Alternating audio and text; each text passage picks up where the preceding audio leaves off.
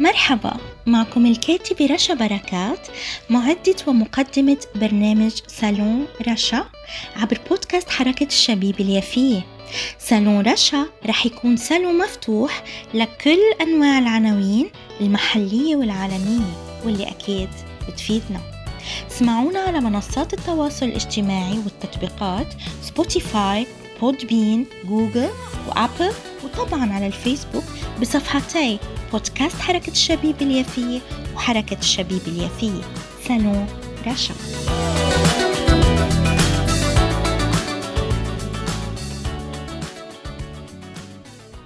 أهلا وسهلا بكم أعزائي متابعي ومحبي كل برامج بودكاست حركة الشبيبة اليافية.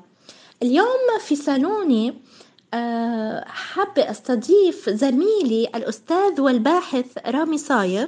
طبعا صرتوا تعرفوا عنه منيح وهو أستاذ وباحث يافاوي ومدرس تاريخ وسبق أن آه، كذلك آه، استضفته بصالوني مرة مع ببرنامج حكايا رشا وبالحلقة الأخيرة وهي حلقة الختام. مع فريق البودكاست السابق اللي كان وتحدث عن نفسه. كذلك استضفته باستضافة خاصة تكلمنا فيها عن كل أعماله وأنشطته. هو طبعا شخصية آه، آه، مهمة جدا في عالمنا الفلسطيني في مجتمعنا الفلسطيني لأنه ناشط وباحث وأستاذ تاريخ وكذلك مدير حركة الشبيب اليافية وكذلك هو لديه برامج جميلة مثل برنامج عبر بودكاست حركة الشبيبة اليافية برنامج الماضي الحاضر هذا البرنامج الرائع آه الذي يقدم آه عن يربط الماضي بالحاضر ويقدم عن المدن والقرى الفلسطينية المهجرة ويتخصص فيها ولديه استضافات مهمة.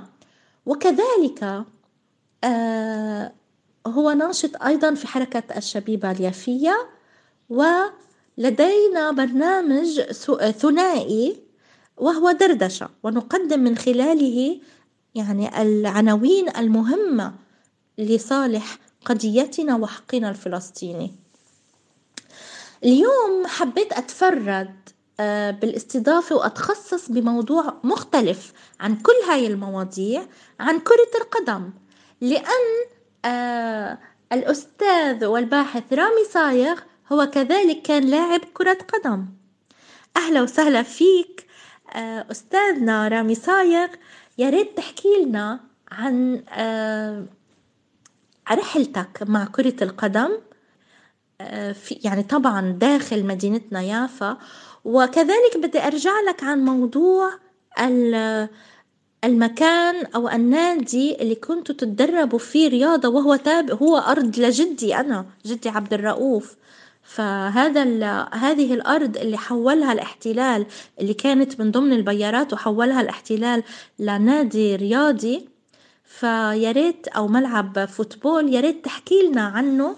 وكذلك تحكي لنا عن رحلة الفوتبول يعني في أو كرة القدم في مدينتنا يافا. وبدي بعدها أسألك بعض الأسئلة الأخرى. تحياتي زميلتي رشا وشكرا كتير كتير على هاي المقدمة الحلوة. وبشكرك على إتاحة الفرصة لنحكي عن موضوع اللي هو قبل التاريخ عز علي.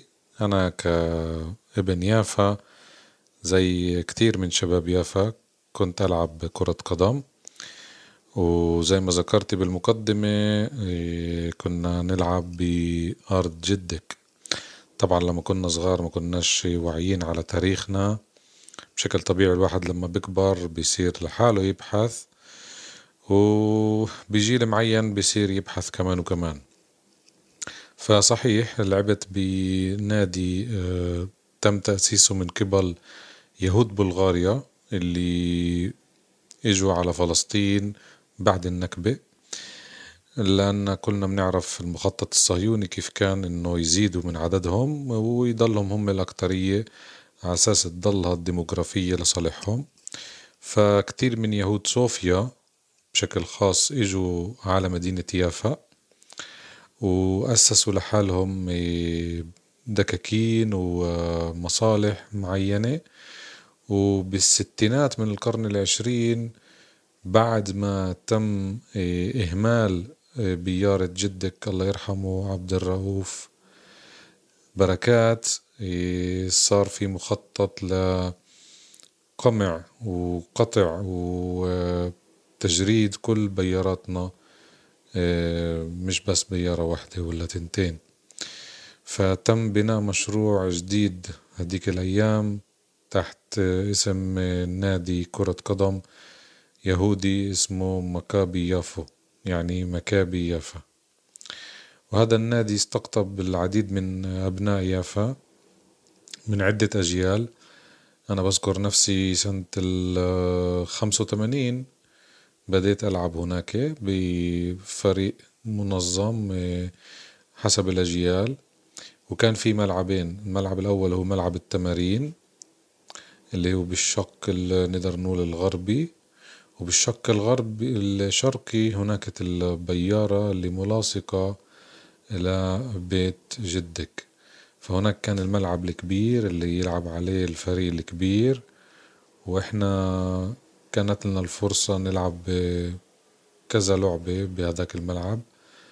وبتذكر كمان بذاكرتي طبعا أنا ما كنتش هداف بس بما إنه كنت ألعب بالدفاع يا بالمركز. بالوسط بس كان لي ذكريات حلوة وسجلت كم من هدف بالملعب الكبير. وزي زي باقي شباب يافا يعني لعبنا بهذا الملعب بهذا النادي لسنوات عديدة لحد ما النادي نفسه سبحان الله يعني كيف الباطل بضلوش ما بيستمرش. النادي أفلس وبلدية الاحتلال بما أنها هي اللي سرقت هاي الأراضي من أصحابها آل بركات طالبت الأرض كم مرة من جديد والملعب تم تفريغه وبعد بضعة سنوات تم هدمه ولليوم لساته أرض فاضية وللأسف عم بخططوا هناك يبنوا وحدات سكنية. بالنسبة لكرة القدم طبعا هذا شغف كل شاب. اليوم كمان كرة القدم صارت كمان للصبايا بس لسه بيافا فيش عنا هاي الظاهرة. بس طبعا كرة القدم لكل شاب هذا إشي جزء من حياته. بتذكر كوني طالب بالمدرسة كنت مواظب طبعا على الدراسة وعلى كرة القدم. يعني أقسم وقتي بين الدراسة وبين التمارين. وأيام السبت طبعا المباريات الرسمية. فكتير عنا ذكريات من هديك الفترة. ذكريات حلوة أغلبها طبعا. ولما كبرت واستوعبت إنه عن جد كنت على أرض جدك هذا الإشي يعني كان كتير مميز و بيفتح آفاق جديدة لكوني باحث زي ما ذكرتي. وبصير الواحد يبحث عن الحقيقة وإن شاء الله زي ما النادي أفلس كمان الاحتلال أفلس لأنه إحنا أصحاب حق وما منهاب من قول الحق. اللي ذكرته طبعا مهم جدا آه، وأنا كذلك يعني لا أبتعد عن أي موضوع شخصي لما أعتبر أنه كذلك عم بحكي بموضوعنا الشخصي الذي يمثلني بشكل مباشر كعيلتي كملكي خاص. آه، أنا ما عادة بحب أبتعد عن هاي اللغة وإن وإن كان واجبي كمان طالب فيها وأحكي فيها. آه، ولكني أخجل من أني أتفرد بالأنا الشخصية بصراحة. آه نعم للأسف يؤسفنا هذا الأمر وهذه القضية من من من الشخصية يجب أن تكون للعامة يعني أنه بشكل عام تتوسع على مستوى قضية وطن قضية كاملة. يعني احتلال أراضينا وأملاكنا واللعب فيها بشكل آه يعني خلص ما في حدا يقولهم لا ولا يوقفهم عند حدهم. والدول كلها والسياسات كلها يعني مثل ما الكل بيعرف إنه معهم. على كل نحن هلأ إن شاء الله بواقع تغيير سياسات وبشكل عالمي يعني بشكل مهم جدا. وأنا متفائلة على المدى الأبعد. ما ذكرته مهم جدا. وبيفتح لي كذلك موضوع إنه بعيدا عن قهرنا ما بدنا نحكي بقهر خلينا دايما نحكي بلغة التفاؤل ولغة لغة التجديد ولغة إنه العمل والمستقبل الجميل وإنه كل مشكل نهاية له نهاية بالنهاية يعني بالآخر. وسبحان الله كما ذكرت إنه ما في بركة لأنه أخذوه من دار بركات. يعني وينهم وين البركة؟ يعني للأسف كل شي بنبنى على الخطأ مصيره إنه يصير في هيك. الحمد لله اللي صار فيهم هيك وإن شاء الله كل شعبنا الفلسطيني بيسترجع كامل حقه بوطنه بكل بكل ما من بالكلمة من المعنى. بالشق الآخر لنرجع على موضوع الفوتبول. طبعا مجتمعنا الفلسطيني غالبا يعني في عنده كتير حب شبابنا وصبايانا كتير كلياتنا بنحب الرياضة. ومنميل لإلها؟ وبالغالب دايما بتلاقي إنه أي حدا كذلك يعني عنده مهارات حلوة عنده كذا كذلك بتلاقي إنه كمان عنده شق رياضي إلى جانبه. وكرة القدم لطالما شكلت أهمية بمجتمعنا الفلسطيني وكان عنا فرق لكرة القدم وكانت تلعب حتى بمستوى يعني مع الدول الأخرى. يعني للأسف هلأ للأسف ما عنا فريق كرة قدم حر فلسطيني يحمل الهوية الفلسطينية الحرة ويتحدى ال ال ال أو ينافس بشكل طبعا رياضي وصحي يعني الفرق الأخرى من بلدان أخرى ونطمح ونتأمل أنه ترجع تنبنى هاي الأمور مع الوقت وإن شاء الله بعد التحرير. وأنا أطمح ومتفائلة بشق التحرير. لكن هل يواجه الآن أهالينا في فلسطين صعوبات بمواضيع إنه بحال أي فرقة فلسطينية هل تواجه فرقة كرة قدم فلسطينية تواجه المشاكل يعني بالطمس أو ب أو حتى من أفرادنا الفلسطينيين اللاعبين بكرة القدم هل بيواجهوا عنصرية كذلك بالطمس عليهم وعدم يعني إعطائهم الفرصة الكاملة؟ إنه يكونوا ضمن فريق فوتبول كامل كرة قدم يلعبوا بشكل يعني متساوي مثل غيرهم من المستوطنين؟ بالنسبة لسؤالك طبعا دولة الاحتلال ولا مرة بتورجي العنصرية بشكل رسمي لا. فبس للمستمعين الكرام والمستمعات ليفهموا بفلسطين المحتلة في عدة دوريات في عدة مستويات. يعني في الدرجة الممتازة اللي متواجدين فيه فريق أبناء سخنين وفريق الرينة. هدول الفريقين بيمثلونا طبعا بالدرجة العليا.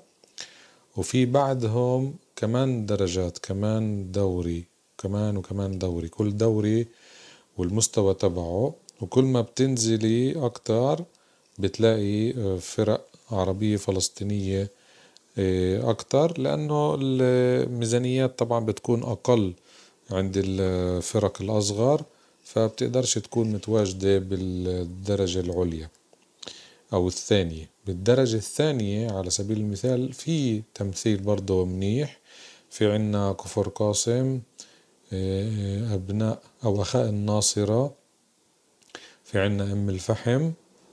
هدول الثلاث فرق فلسطينية اللي بتلعب بالدرجة الثانية. وطبعا كل ما نزلنا زي ما قلت بتتواجد أكتر وأكتر فرقنا العربية الفلسطينية. فالميزانية هي اللي بتقرر مصير الفرق. واليوم 2023 فيش فريق فلسطيني بحت. صافي يعني. طبعا عشان ما يبينش إنه الإشي كمان عنصري وكمان عشان صار في نوع من التسامح بين تعال نقول الفرق. بس طبعا مش تسامح كامل لأنه لسه في العنصرية ولسه في الاستعلاء ولسه في الطمس هذا ولسه في كمان شعور بالنقص عنا إحنا الفلسطينيين. إن كان كوادر أو لاعبين أو مدراء أو حتى مدربين يعني. يعني على سبيل المثال مدربين فيش عنا. مدربين فلسطينيين ناجحين عنا بس بالدرجة الثانية أما الدرجة العليا ما فيش. رغم كل التحديات والصعوبات اللي بمروها المدرب بس صعب جدا يجي فريق آه، عبري يجي ياخد آه، خدمات ويختم آه، صفقة أو عقد مع مدرب فلسطيني عربي من الداخل. ففي عنصرية بس مش مش بارزة يعني لأنه كمان في صحافة اللي بتغطي هاي الأمور آه، بتغطي يعني آه، بتنشر إذا في عنصرية. آه، ومرات بتخفي إذا في عنصرية. يعني بتلعب طبعا لصالح الرأي العام الإسرائيلي. فالعنصرية نقدر نقول متواجدة بكل مباراة بيكون فيها الفريق الفلسطيني مقابل فريق عبري. على سبيل المثال تقريبا عشرين سنة فريق اتحاد أبناء سخنين هو القائد لمجتمعنا الفلسطيني بالداخل هو ممثل الفريق أو ممثل كرة القدم. لمجتمعنا طبعا في بيعارضوا هذا الإشي. اليوم فريق الريني عم بتحداه بس الريني لساته ضعيف من ناحية الإمكانيات.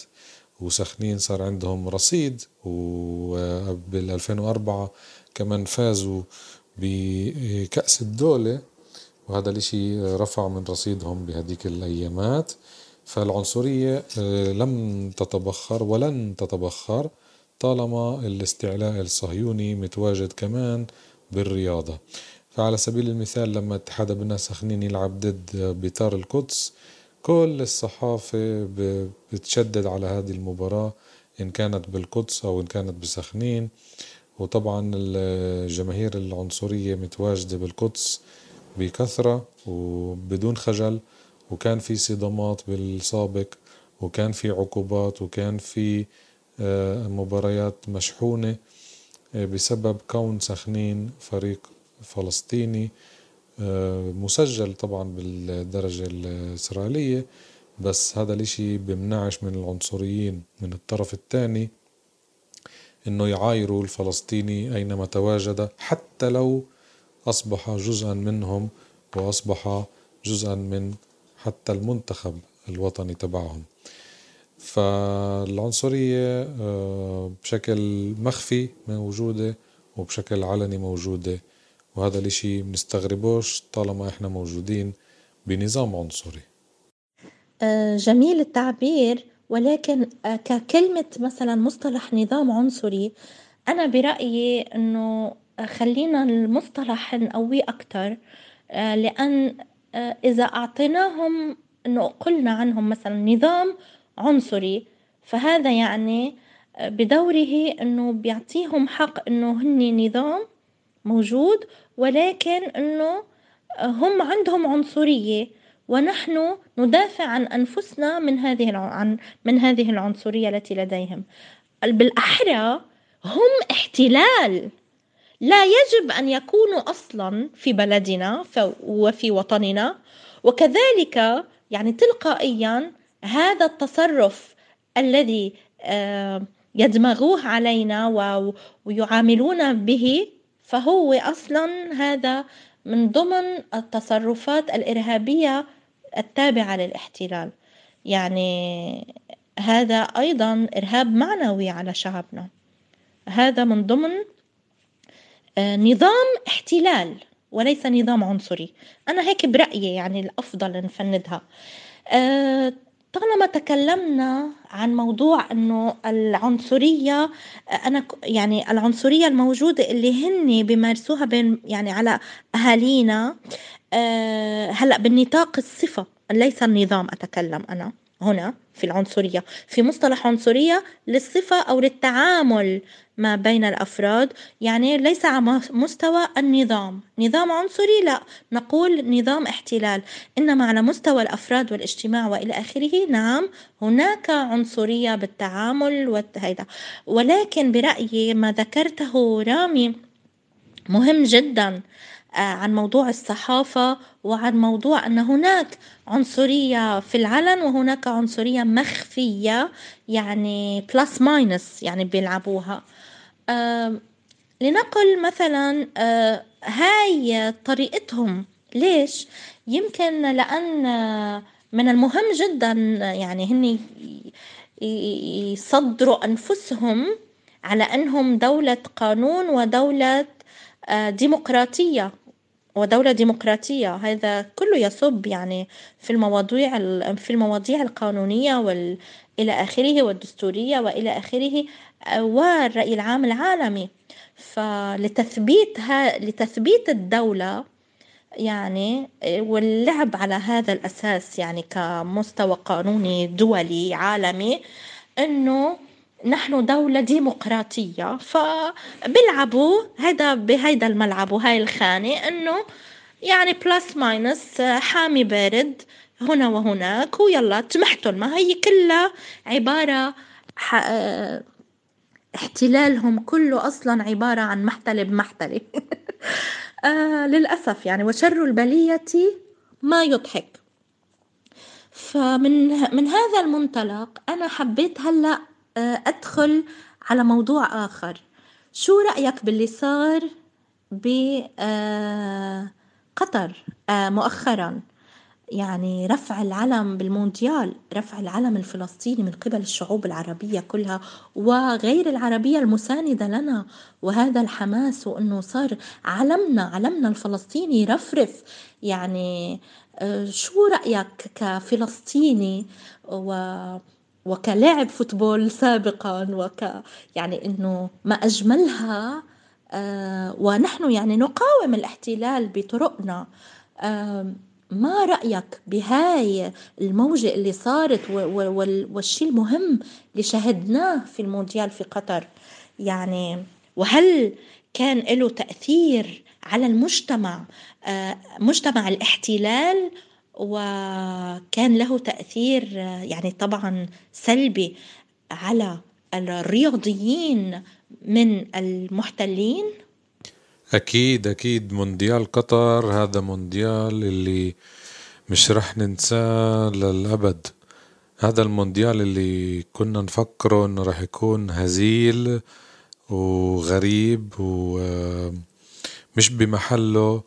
وكتير اتهامات كانت ضد قطر إنها اشترت الحق هذا لاستضافة كرة القدم بوطنها استضافة المونديال يعني كأس العالم إيه، من سنوات طبعا قبل 2022 آه، وكل الصحافة العالمية آه، بدأت تضرب بقطر.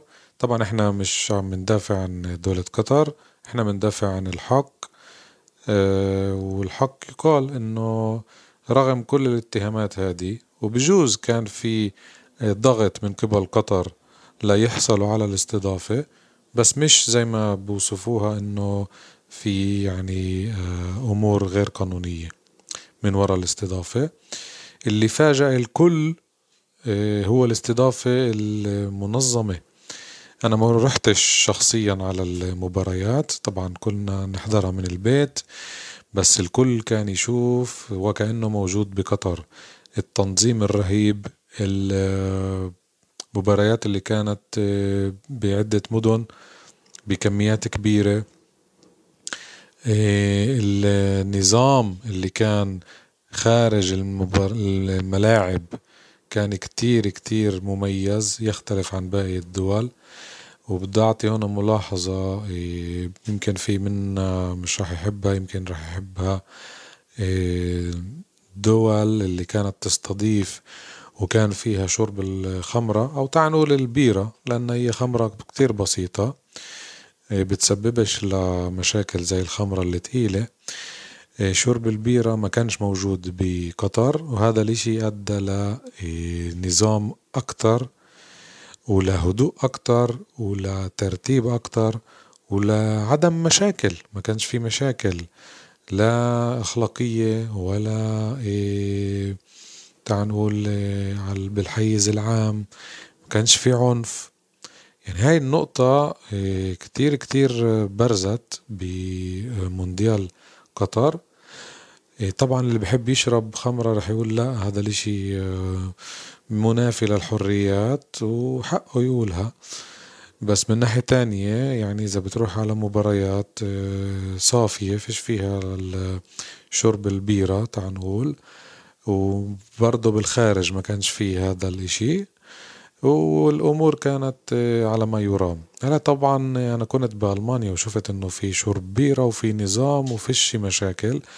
هذا الإشي يعني بنفي اللي قلته بس من ناحية تانية لما بكون في استضافة كأس العالم يعني في عندك أمم هنا وفي يعني معادلة معاكسة يعني إنه إذا في خمرة يعني في كتير مشاكل وفي شعوب يعني في أشياء مشحونة في علاقات مش كل هالقد ودية.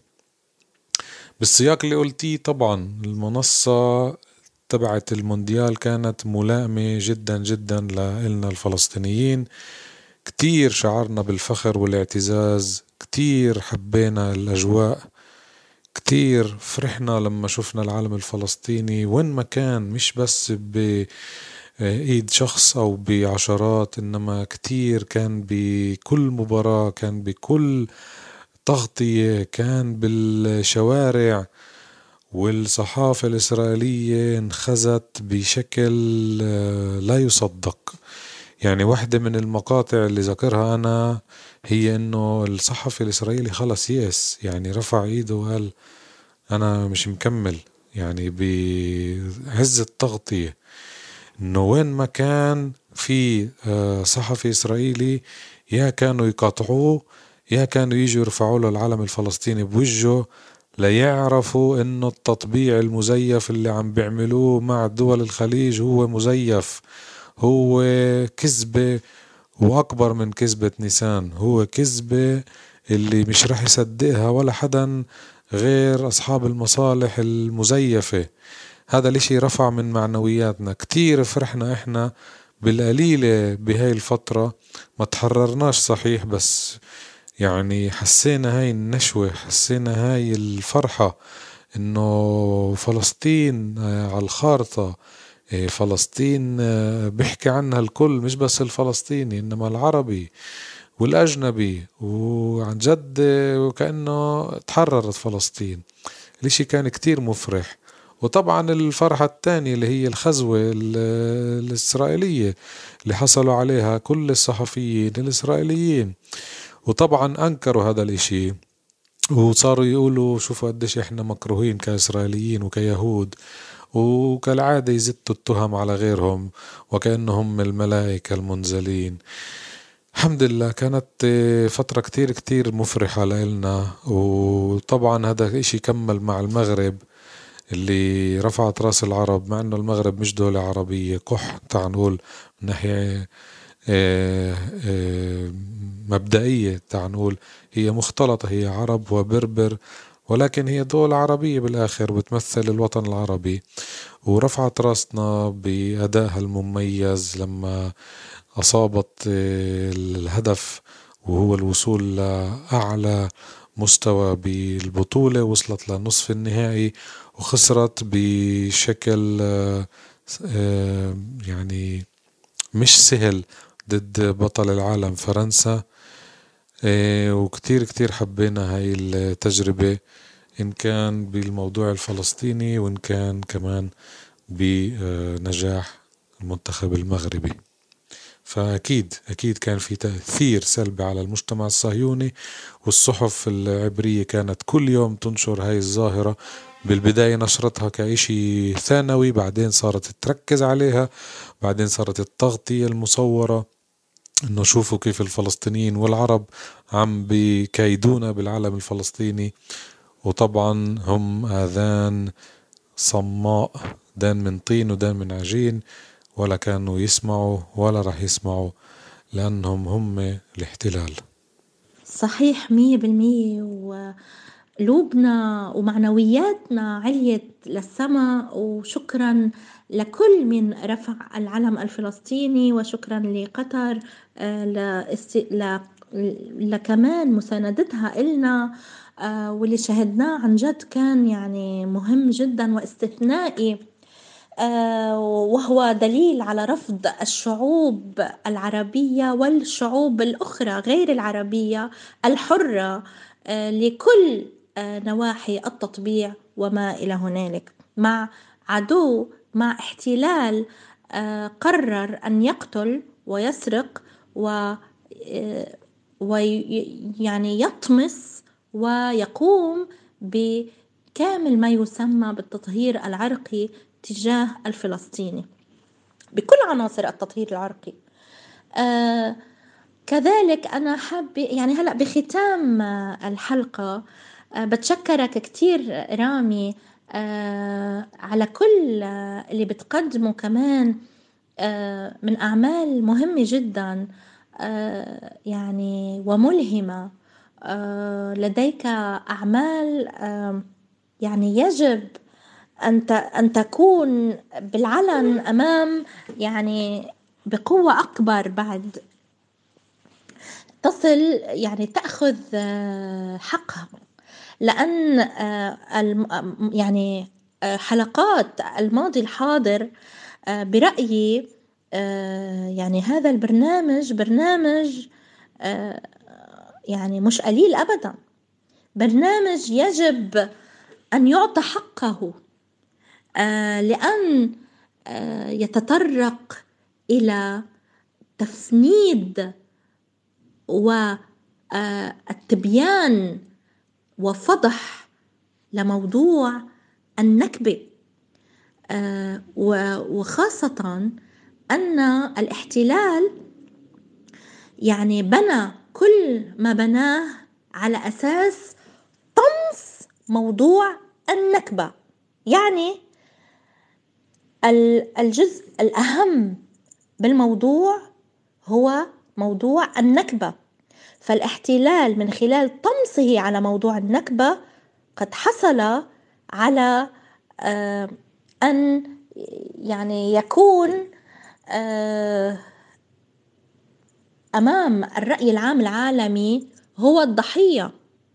وعلى هذا الأساس بنى احتلاله. وعلى هذا الأساس استنزف دول ماديا واقتصاديا استنزفها وعصرها للآخر. يعني ومارس كل خبثه ومكره. وفعلا كما أسماهم يعني سيدنا المسيح أولاد الأفاعي فعلا يعني مارسوا كل هذا الخبث أمام العالم أجمع لحتى كمان آه، آه، يعني آه، موضوع اخترقوا ثقافة البلدان العربية المجتمعات العربية. لحتى كمان صارت تقول الفلسطيني باع أرضه مثلا. فبرنامجك رائع مهم جدا. يجب أن يلقى الضوء عليه. وكل أعمالك رامي وأعمالنا إن شاء الله وأعمال كذلك الآخرين من مجتمعنا الفلسطيني المجتهدين وأصحاب الكفاءات. وأنا بدوري أدعو أدعو المعنيين أن أن يعطوا كل ذي حق حقه أن تصل هذه الكفاءات وهذه الطاقات إلى يعني يعني أن أن يتم دعمها. أو إذا من نسميهم مع آه، آه، معنيين إذا ما دعموا فإذا بلاهم. هدول مش معنيين. لأنهم غير معنيين بالشأن الفلسطيني وبالمجتمع الفلسطيني وبتقدمه وبقضاياه. على كل كذلك بفرق الفوتبول يعني الكرة القدم. أنا أسلم على فرقة سخنين وعلى آه، يعني كامل أفراد الفريق وعلى أفراد كامل أفراد فريق الريني. وأنا يعني أحيانا أتابع آه، أتابعهم وأنتظر الجولات.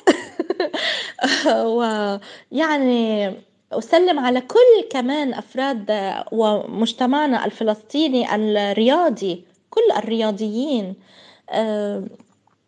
يعني ماذا نقول؟ نتمنى الفوز للجميع وكذلك الخلاص من الاحتلال.